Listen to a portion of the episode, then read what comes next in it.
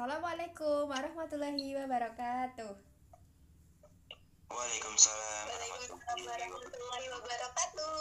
Wah, semangat sekali ya. Oke, Ya dong salam salam semuanya. Om Swastiastu, Namo Buddhaya, salam kebajikan. Oke, eh, ini pertama kali dari kelompok satu untuk mata kuliah aktualisasi nilai-nilai Pancasila, Pancasila itu me- me- me- me- mengerjakan podcast. Jadi eh, mohon maaf apabila ada eh, kesalahan ataupun eh, kurang enak didengar, kurang lebih seperti itu ya.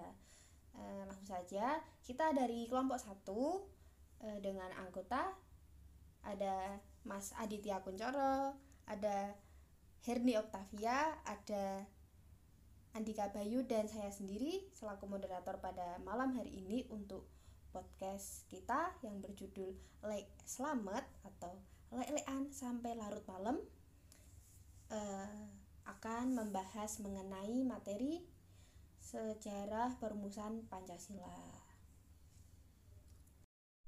Sebelum eh, saya memberikan sedikit pendahuluan dan masuk kepada kajian inti materi yang ada di podcast ini, eh, saya selaku moderator mengingatkan kembali kepada pendengar setia dari podcast Lek Selamat untuk selalu menjaga protokol kesehatan di mana pun eh, pendengar setia berada.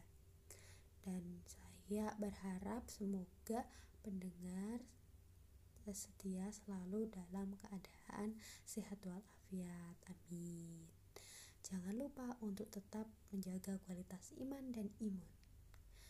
Dan untuk tetap selalu mendengarkan episode-episode yang akan dirilis dari podcast Lek Selamat untuk menemani masa-masa pandemi dan juga kegiatan-kegiatan yang dilakukan oleh pendengar sekalian ketika berada di rumah. Kita ketahui bersama bahwa Pancasila memiliki kedudukan yang sangat penting dalam bangsa Indonesia, yakni sebagai dasar negara, yang mana keberadaannya tertuang dalam pembukaan Undang-Undang Dasar tahun 1945, yakni pada alinea keempat. Nah, Pancasila yang memiliki lima sila ini memuat berbagai nilai rohani, nilai moral, serta kebudayaan masyarakat Indonesia, sehingga tidak heran apabila sampai detik ini Pancasila masih sangat eksis menjadi salah satu ideologi ataupun paham yang berdiri kokoh di tengah perkembangan arus zaman bersanding dengan paham-paham lain seperti idealisme maupun komunisme. Di samping itu, Pancasila juga harus selalu kita bumikan secara kontinu sebab di dalamnya memuat nilai-nilai dasar yang sangat berguna eh, sebagai alas fondasi alas fondasi atau pijakan dalam melangkah dan melalui segala aktivitas dalam kehidupan. Nah, pentingnya eh, dasar negara Pancasila ini juga sempat eh, menjadikan mm, menjadikan Pancasila sebagai suatu pedoman yang harus dilaksanakan setiap warga negara, yakni melalui pelaksanaan eh, te- yang tertuang dalam panduan P4. Tetapi sekarang keberadaan P4 ini eh, telah diganti dan disesuaikan dengan perkembangan zaman.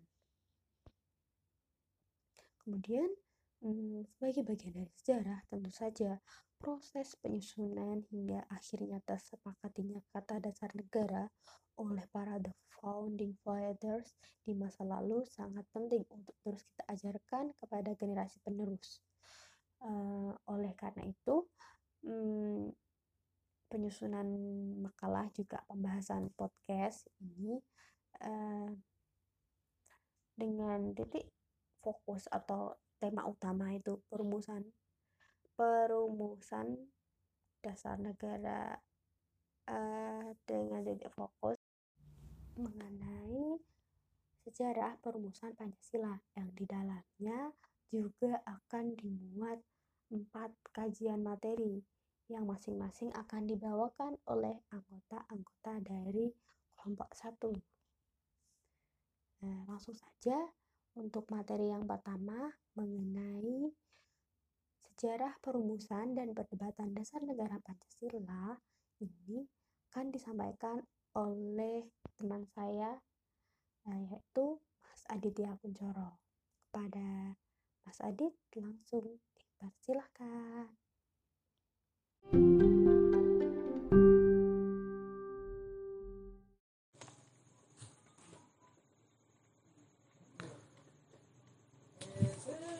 Oke, baik semuanya. Assalamualaikum warahmatullahi wabarakatuh. Oke, di sini saya akan uh, menjelaskan tentang atau membahas tentang materi yaitu tentang sebuah apa? sebuah sejarah dari perumusan dan perdebatan dasar negara Pancasila. Oke, sobat Lek, selamat semuanya. Apa kabar hari ini? Ya, saya yakin semuanya dalam keadaan sehat walafiat. Oke, mari sama-sama kita belajar tentang perumusan dan perdebatan dari sebuah dasar negara yaitu Pancasila. Oh, dalam perdebatan kali ini yaitu perdebatan yang apa ya? Perdebatan yang sangat bersejarah sekali bagi kemerdekaan negara Indonesia tentang membentuk sebuah perumusan dasar negara, yaitu Pancasila. Dalam perdebatan kali ini, dalam pembuatan dasar negara, ada tiga tokoh, yaitu yang pertama Soekarno, yang kedua Supomo, yang ketiga yaitu Mohyamin.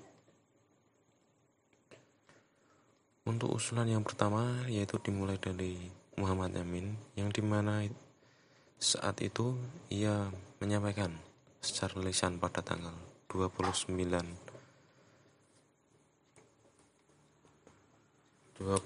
Mei 1945 yang berisi kalimat dasar yaitu yakni yang pertama beri kebangsaan, kemanusiaan, ketuhanan, kerakyatan, serta kesejahteraan. Oke, bagi sobat Lek selamat semuanya. Apakah ada yang pernah mendengar nama Mohyamin? Pastinya tentu pernah ya. Karena beliau merupakan tokoh yang sangat apa ya, sangat berpengaruh dalam pembuatan dasar negara Pancasila. Untuk yang kedua yaitu dalam sidang WPKI yaitu dari Supomo Supomo juga membuat lima dasar negara, yaitu yang pertama, persatuan, kekeluargaan, keseimbangan lahir batin, musyawarah, serta keadilan. Selain lima usulan tersebut, Supomo juga menyampaikan bahwa negara ini tidak harus mengacu pada satu agama karena kebinekaan masyarakat Indonesia. Oke, kita lanjut dari usulan yang ketiga yaitu dari dari siapa? Ya yaitu dari Bapak Soekarno. Beliau berpidato pada tanggal 1 Juni 1945 dalam pidato tersebut beliau menyampaikan usulan mengenai dasar negara yang terdiri dari satu kebangsaan Indonesia dua internasionalisme dan perikemanusiaan tiga mufakat atau demokrasi empat kesejahteraan sosial serta lima yaitu tentang ketuhanan yang Maha Esa. Dari kelima dasar tersebut, beliau juga menyebutkan ada tiga dasar negara, yaitu Pancasila, Trisila, dan Ekasila. Namun yang digunakan beliau adalah Pancasila.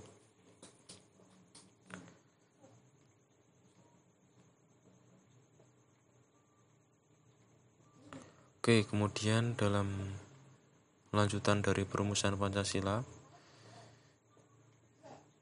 yaitu tentang penempatan bahwa penempatan dari rumusan Pancasila sebagai dasar negara. Dalam perumusan ini menang apa?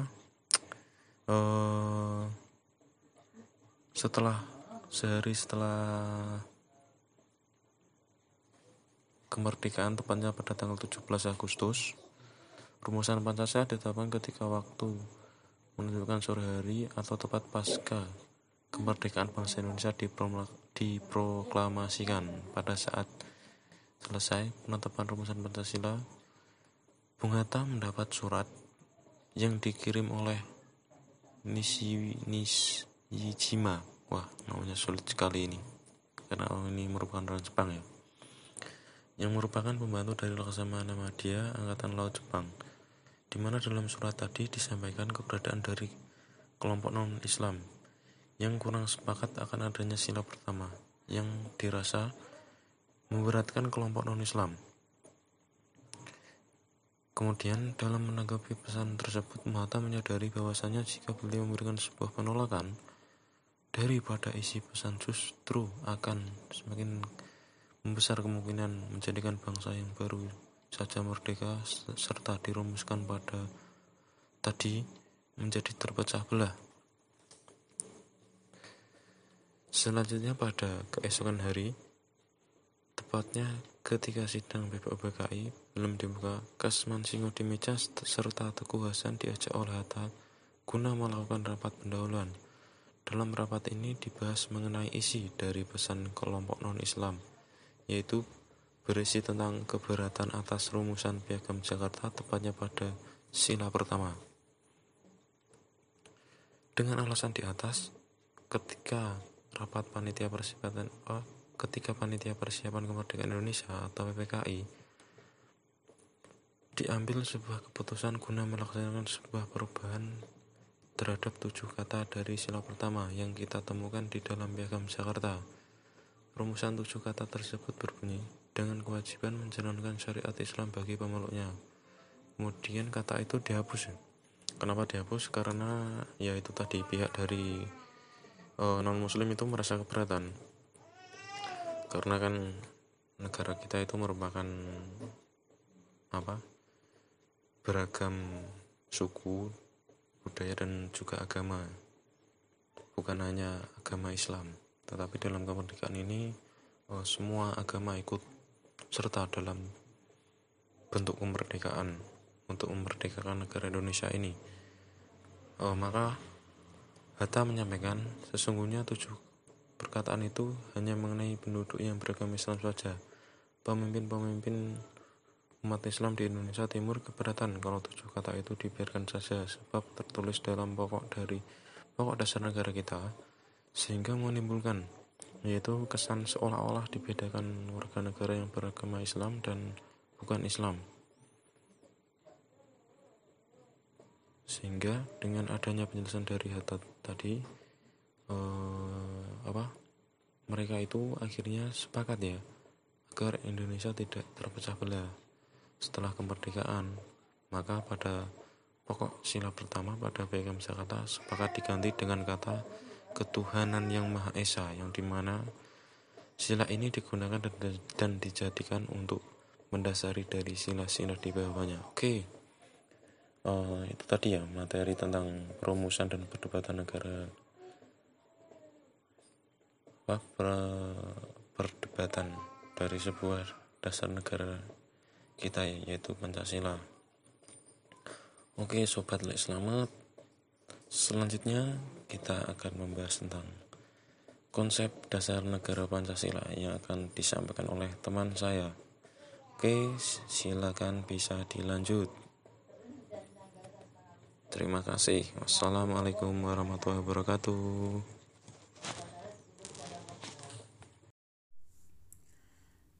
Nah, menarik sekali ya mengenai materi sejarah perumusan dan perdebatan dasar negara Pancasila yang selalu kita pelajari di uh, jenjang sekolah pendidikan dasar, pendidikan menengah maupun pendidikan atas bahkan hingga masa perkuliahan ini. Hmm.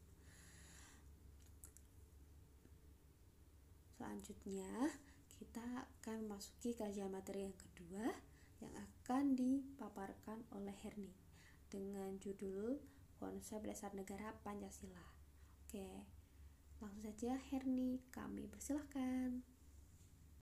Oke ya, uh, selanjutnya saya akan membahas mengenai konsep dasar negara Pancasila. Nah, eh, Pancasila itu dibuat oleh pendiri bangsa yang biasa kita sebut itu sebagai founding fathers.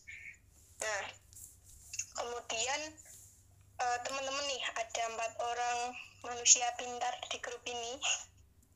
Aku mau tanya, jadi eh, konsep Pancasila itu tercetus di lembaga apa? Eh, Pada sidang apa? Ayo, Pancasila. PPKI, BPUPKI kah? Panitia 9 atau apa? Heeh. Aku cu panitia 9.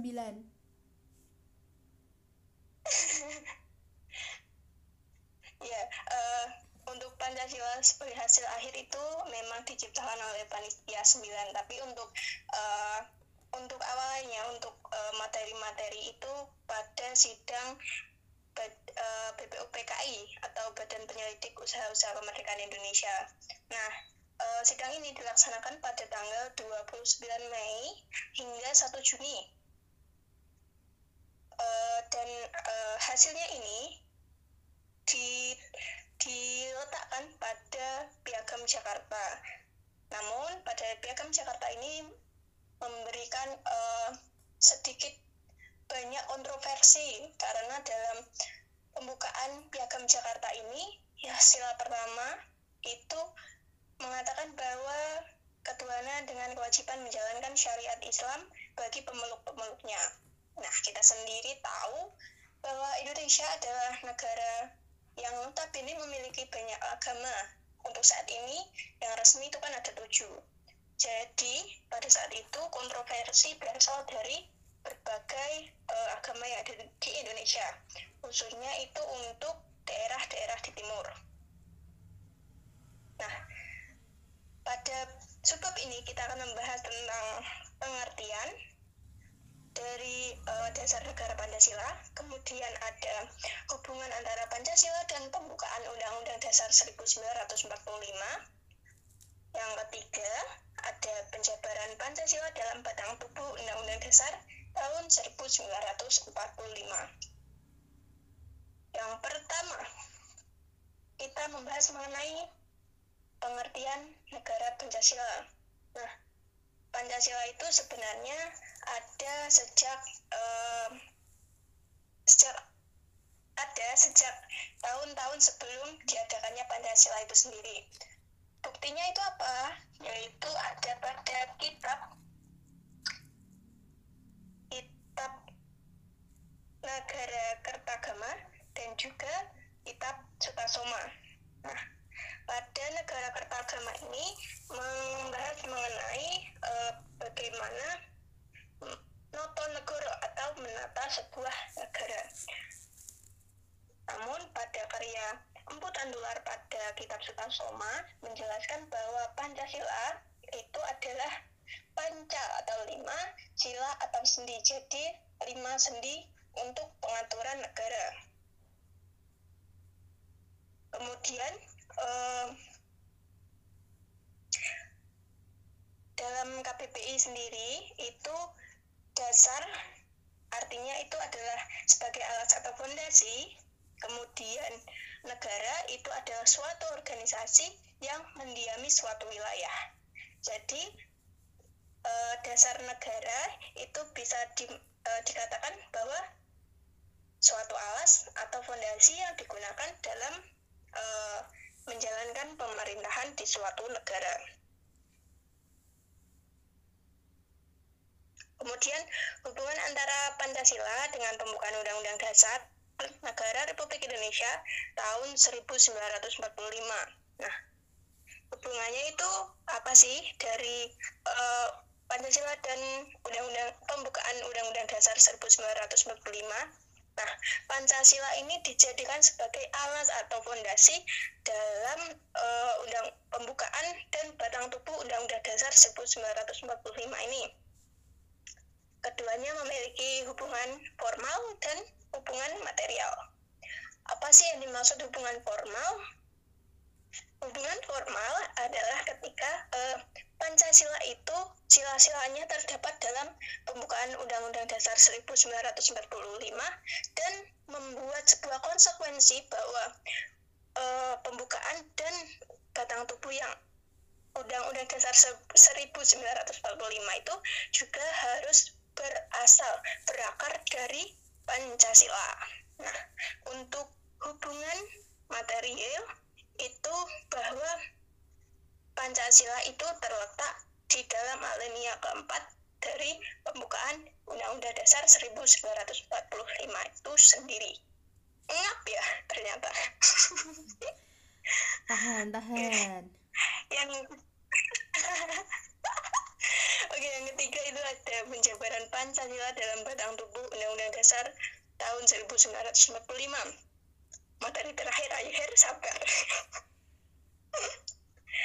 Jadi uh, penjabaran Pancasila dalam batang tubuh ini bisa kita lihat bahwa di batang tubuh Undang-Undang Dasar 1945 itu sebenarnya mengandung empat pokok pikiran. Nah, empat pokok pikiran yang dituangkan dalam batang tubuh Undang-Undang Dasar 1945 itu ada tentang yang pertama persatuan, yang kedua ada keadilan sosial, yang ketiga ada kedaulatan rakyat, dan yang keempat ada ketuhanan yang Maha Esa. Nah, pokok pikiran persatuan ini mengartikan bahwa persatuan merupakan sesuatu yang sangat krusial di Indonesia, mengingat Indonesia adalah negara heterogen. Negara juga melindungi segenap bangsa Indonesia sepenuhnya dan tidak melihat apakah orang tersebut dalam sebuah golongan atau hanya perseorangan. Atau uh, jadi tidak pandang bulu gitu ya. Terus yang pokok pikiran kedua tentang keadilan sosial itu bahwa kemerdekaan adalah hak milik seluruh bangsa. Segala sistem yang terbentuk dalam negara harus berlandaskan atas keadilan sosial bagi seluruh rakyatnya. Nah, ini nih yang lagi mahasiswa pertanyakan tentang keadilan sosial masa pandemi kayak gini nih. Terus uh, yang ketiga ada kedaulatan rakyat itu mengartikan bahwa kedaulatan adalah uh, sesuatu atau peraturan yang dibuat tentunya demi kepentingan rakyat untuk rakyat dan disetujui oleh rakyat. Atau bahasa Inggrisnya itu biasanya kita dengar government by people to people. For. Gimana ada yang tahu? Government for the people to people and by the people. Atau ada yang salah mungkin? Ada yang mau memperbaiki? Nah, benar itu benar sekali kalau salah nanti bisa dimarahin Pak Bowo ya. Saya juga lupa pemirsa. Yang keempat yang keempat itu ada ketuhanan yang Maha Esa. Nah pokok yang keempat ini menjelaskan bahwa penyelenggaraan negara itu diwajibkan menjalankan tugasnya sesuai dengan budi pekerti luhur serta berpegang teguh pada cita-cita bangsa Indonesia sesuai dengan agama yang dianutnya. Bukan se bukan sesuai satu agama ya tapi agama yang dianutnya.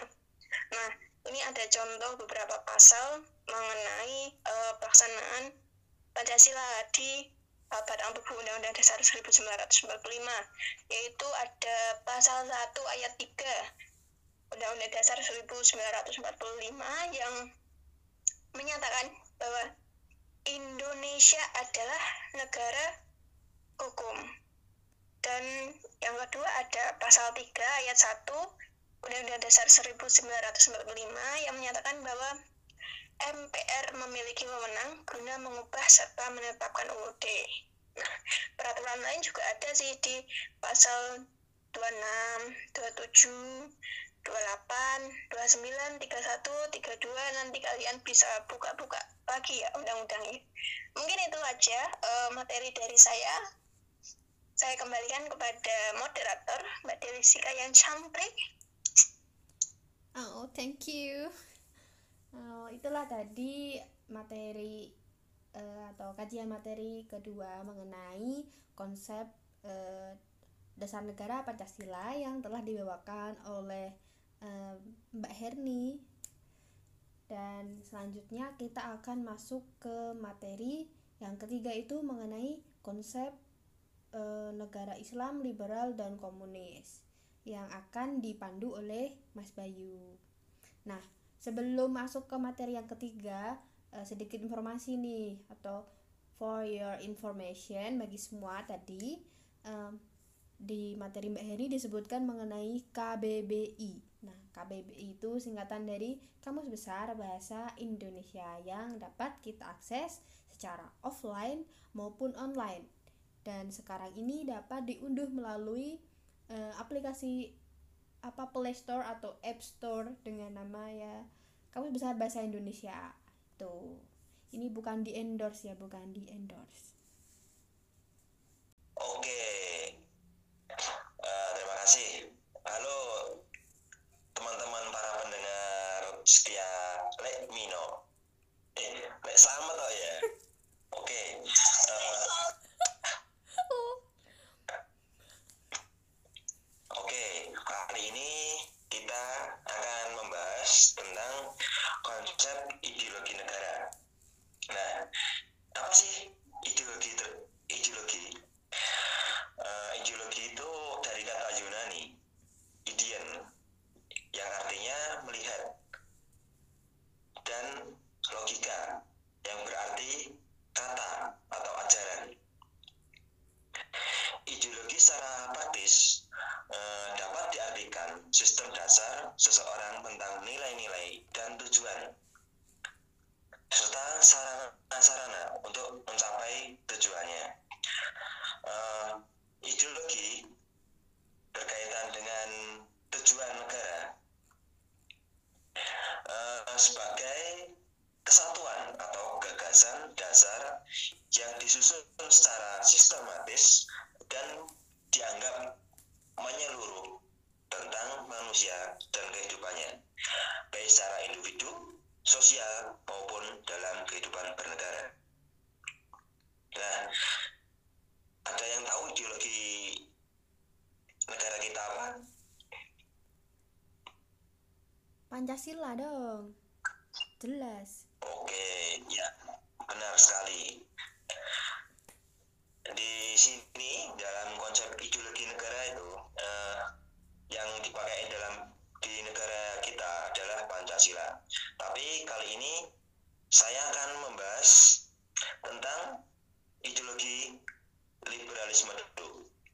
Nah, dalam ideologi liberalisme eh, yaitu merupakan ideologi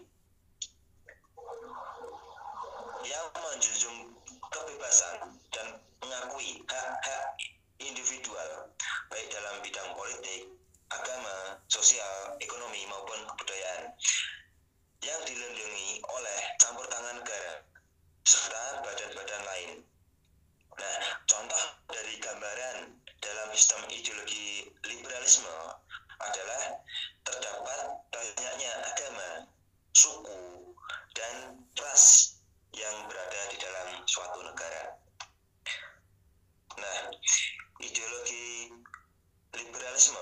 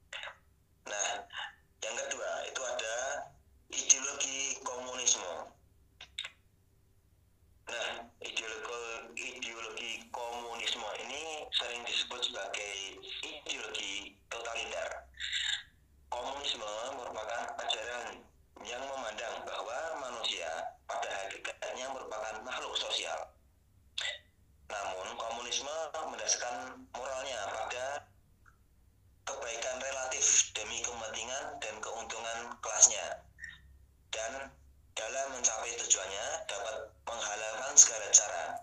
Oleh karena itu, hakikat ideologi komunisme bercorak partikultural, yaitu ideologi yang hanya membela kepentingan atau golongan tertentu.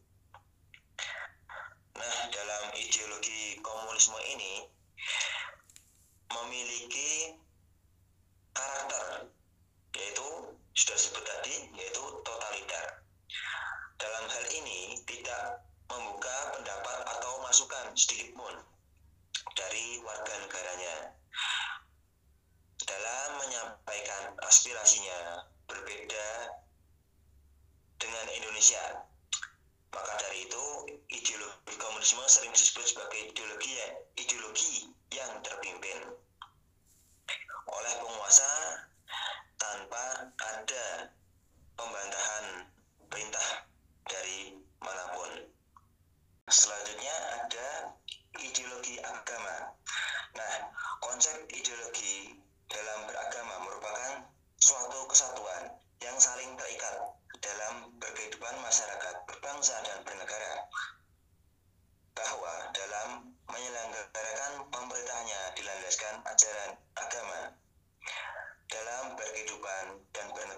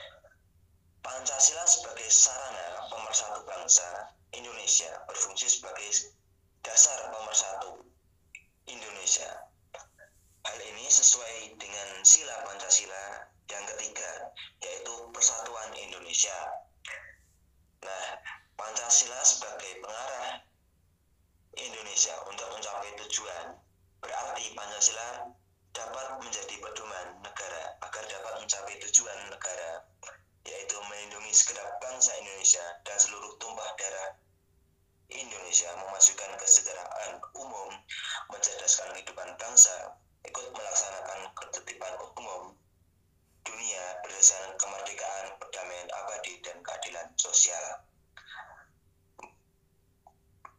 Mungkin itu dari ideologi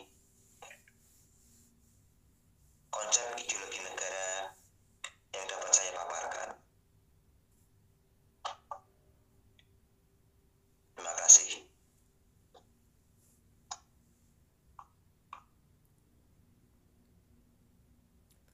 Nah, terima kasih kembali kepada eh, Mas Bayu selaku pemateri ketiga mengenai eh, konsep ideologi negara.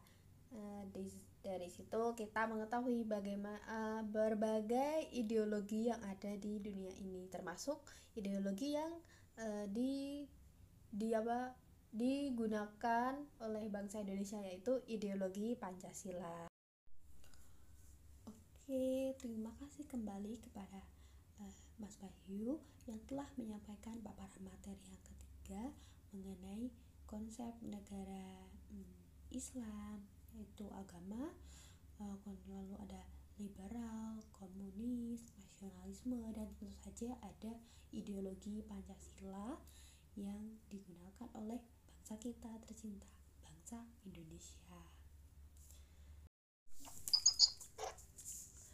Nah, oke, okay. itulah tadi tiga uh, kajian materi yang sudah disampaikan oleh rekan-rekan saya uh, sebelumnya. Nah, di sini saya selaku moderator dan juga uh, pe, pe, pe, pem, pe, pe, apa ya, pe, pembawa materi atau penjelasan materi untuk kajian terakhir. Pengisi materi, Mbakku. Oh ya, itu pengisi materi untuk kajian yang terakhir yaitu Pancasila sebagai cara pandang dunia. Nah, untuk materi yang saya bawakan ini sekaligus menjadi materi penutup dan melengkapi materi-materi yang telah ada. Nah, untuk uh, uh, sebelum kita masuk lebih dalam mengenai bagaimana Pancasila sebagai cara pandang dunia itu, alangkah lebih baik kita ulas kembali bagaimana kedudukan Pancasila di dalam negara Kesatuan Republik Indonesia ini. Nah, secara konstitusional Pancasila itu berkedudukan sebagai ideologi, falsafah ataupun dasar negara bangsa. Nah, Pancasila sebagai falsafah itu digunakan sebagai fondasi dalam mengatur jalannya pemerintahan negara Sedangkan sebagai ideologi negara, Pancasila memiliki sifat terbuka, yaitu e, selalu mengikuti perkembangan zaman dan dinamika e, perkembangan zaman juga sih. E, adapun kajian mengenai Pancasila sebagai cara pandang dunia, kita ulas menjadi tiga poin utama. Yang pertama, Pancasila ialah suatu pandangan hidup atau way of life Pancasila sebagai pandangan hidup itu mengartikan bahwa Pancasila digunakan sebagai petunjuk dalam keberlangsungan hidup yang memberikan implikasi bahwa kita sebagai warga negara itu harus berperilaku uh, di dalam kesehariannya menjiwai dan memancarkan tiap sila-sila Pancasila. Karena Pancasila sebagai sebagai well STH STA Hung apa tuh? Well well tan apa ini? Well tan Hung atau pandangan dunia merupakan satu kesatuan yang bulat tak terpisahkan dengan satu sama lain atau e, keseluruhannya itu menjadi kesatuan secara organis. Nah, selain kedudukan Pancasila sebagai pandangan hidup atau way of life, Pancasila juga memiliki kedudukan lain yang sekiranya kita perlu ketahui bersama. Yang e, pertama itu ada e, Pancasila sebagai suatu jiwa bangsa. Yang kedua, Pancasila sebagai kepribadian bangsa. Yang ketiga ada Pancasila perjanjian luhur bangsa ketika akan mendirikan negara. Yang keempat, Pancasila e, sebagai suatu cita-cita serta tujuan yang akan diwujudkan bersama.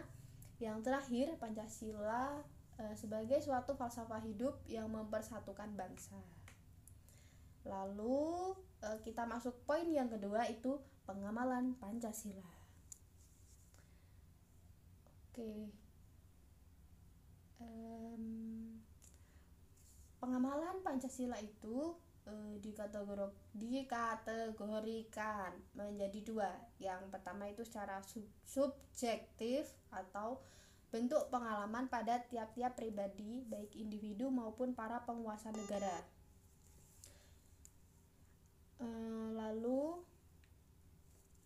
pengalaman secara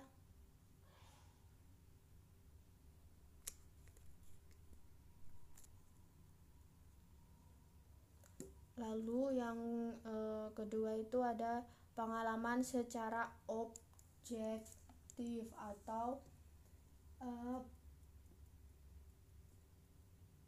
pengalaman pengamalan eh pengamalan yang direalisasikan dalam tiap-tiap bidang kenegaraan seperti bidang eksekutif, legislatif, dan yudikatif maupun bidang-bidang kenegaraan lain, kenegaraan lain.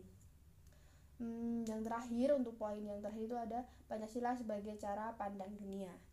Setelah kita pelajari, eh, setelah kita ketahui bagaimana dua poin kajian sebelumnya tentang Pancasila dan pengamalan Pancasila, maka eh, kita ambil intisari dari kedua kajian tersebut dengan kaitannya Pancasila sebagai cara pandang dunia. Hmm, Pancasila sebagai cara kita memandang terhadap dunia itu memiliki arti bahwa e, segala cara berpikir, bertindak, serta bersikap semestinya mencerminkan internalisasi berbagai e, nilai-nilai Pancasila dalam kehidupan kita. Nah, dari sini kita seharusnya bisa mengetahui bagaimana hakikat dari Pancasila sebagai cara pandang terhadap dunia itu. E, melalui sila Pancasila dan nilai yang terkandung, kita dapat ambil hikmah bahwa Pancasila itu uh, kita gunakan sebagai tameng dalam rangka menata pola pikir dan tingkah laku. Terlebih lagi di era yang serba digital atau canggih seperti ini, kita harus lebih sadar dan mawas diri sebab uh, banyak paham paham-paham atau aliran ideologi asing yang perlahan merambah ke dalam kehidupan dan masuk dalam wilayah Indonesia. Oleh sebab itu, Kesadaran untuk terus membumikan Pancasila perlu dijaga dan dikembangkan secara terus-menerus supaya generasi mendatang dapat tetap berpijak pada Pancasila dengan berbagai tantangan dan hambatan arus zaman yang belum dapat diperkirakan. Nah, cara pandang kita terhadap dunia melalui Pancasila juga termasuk dalam kepribadian bangsa sebab Pancasila itu merupakan ciri khas yang menjadi identitas pada bangsa Indonesia dan tiap-tiap warga negara.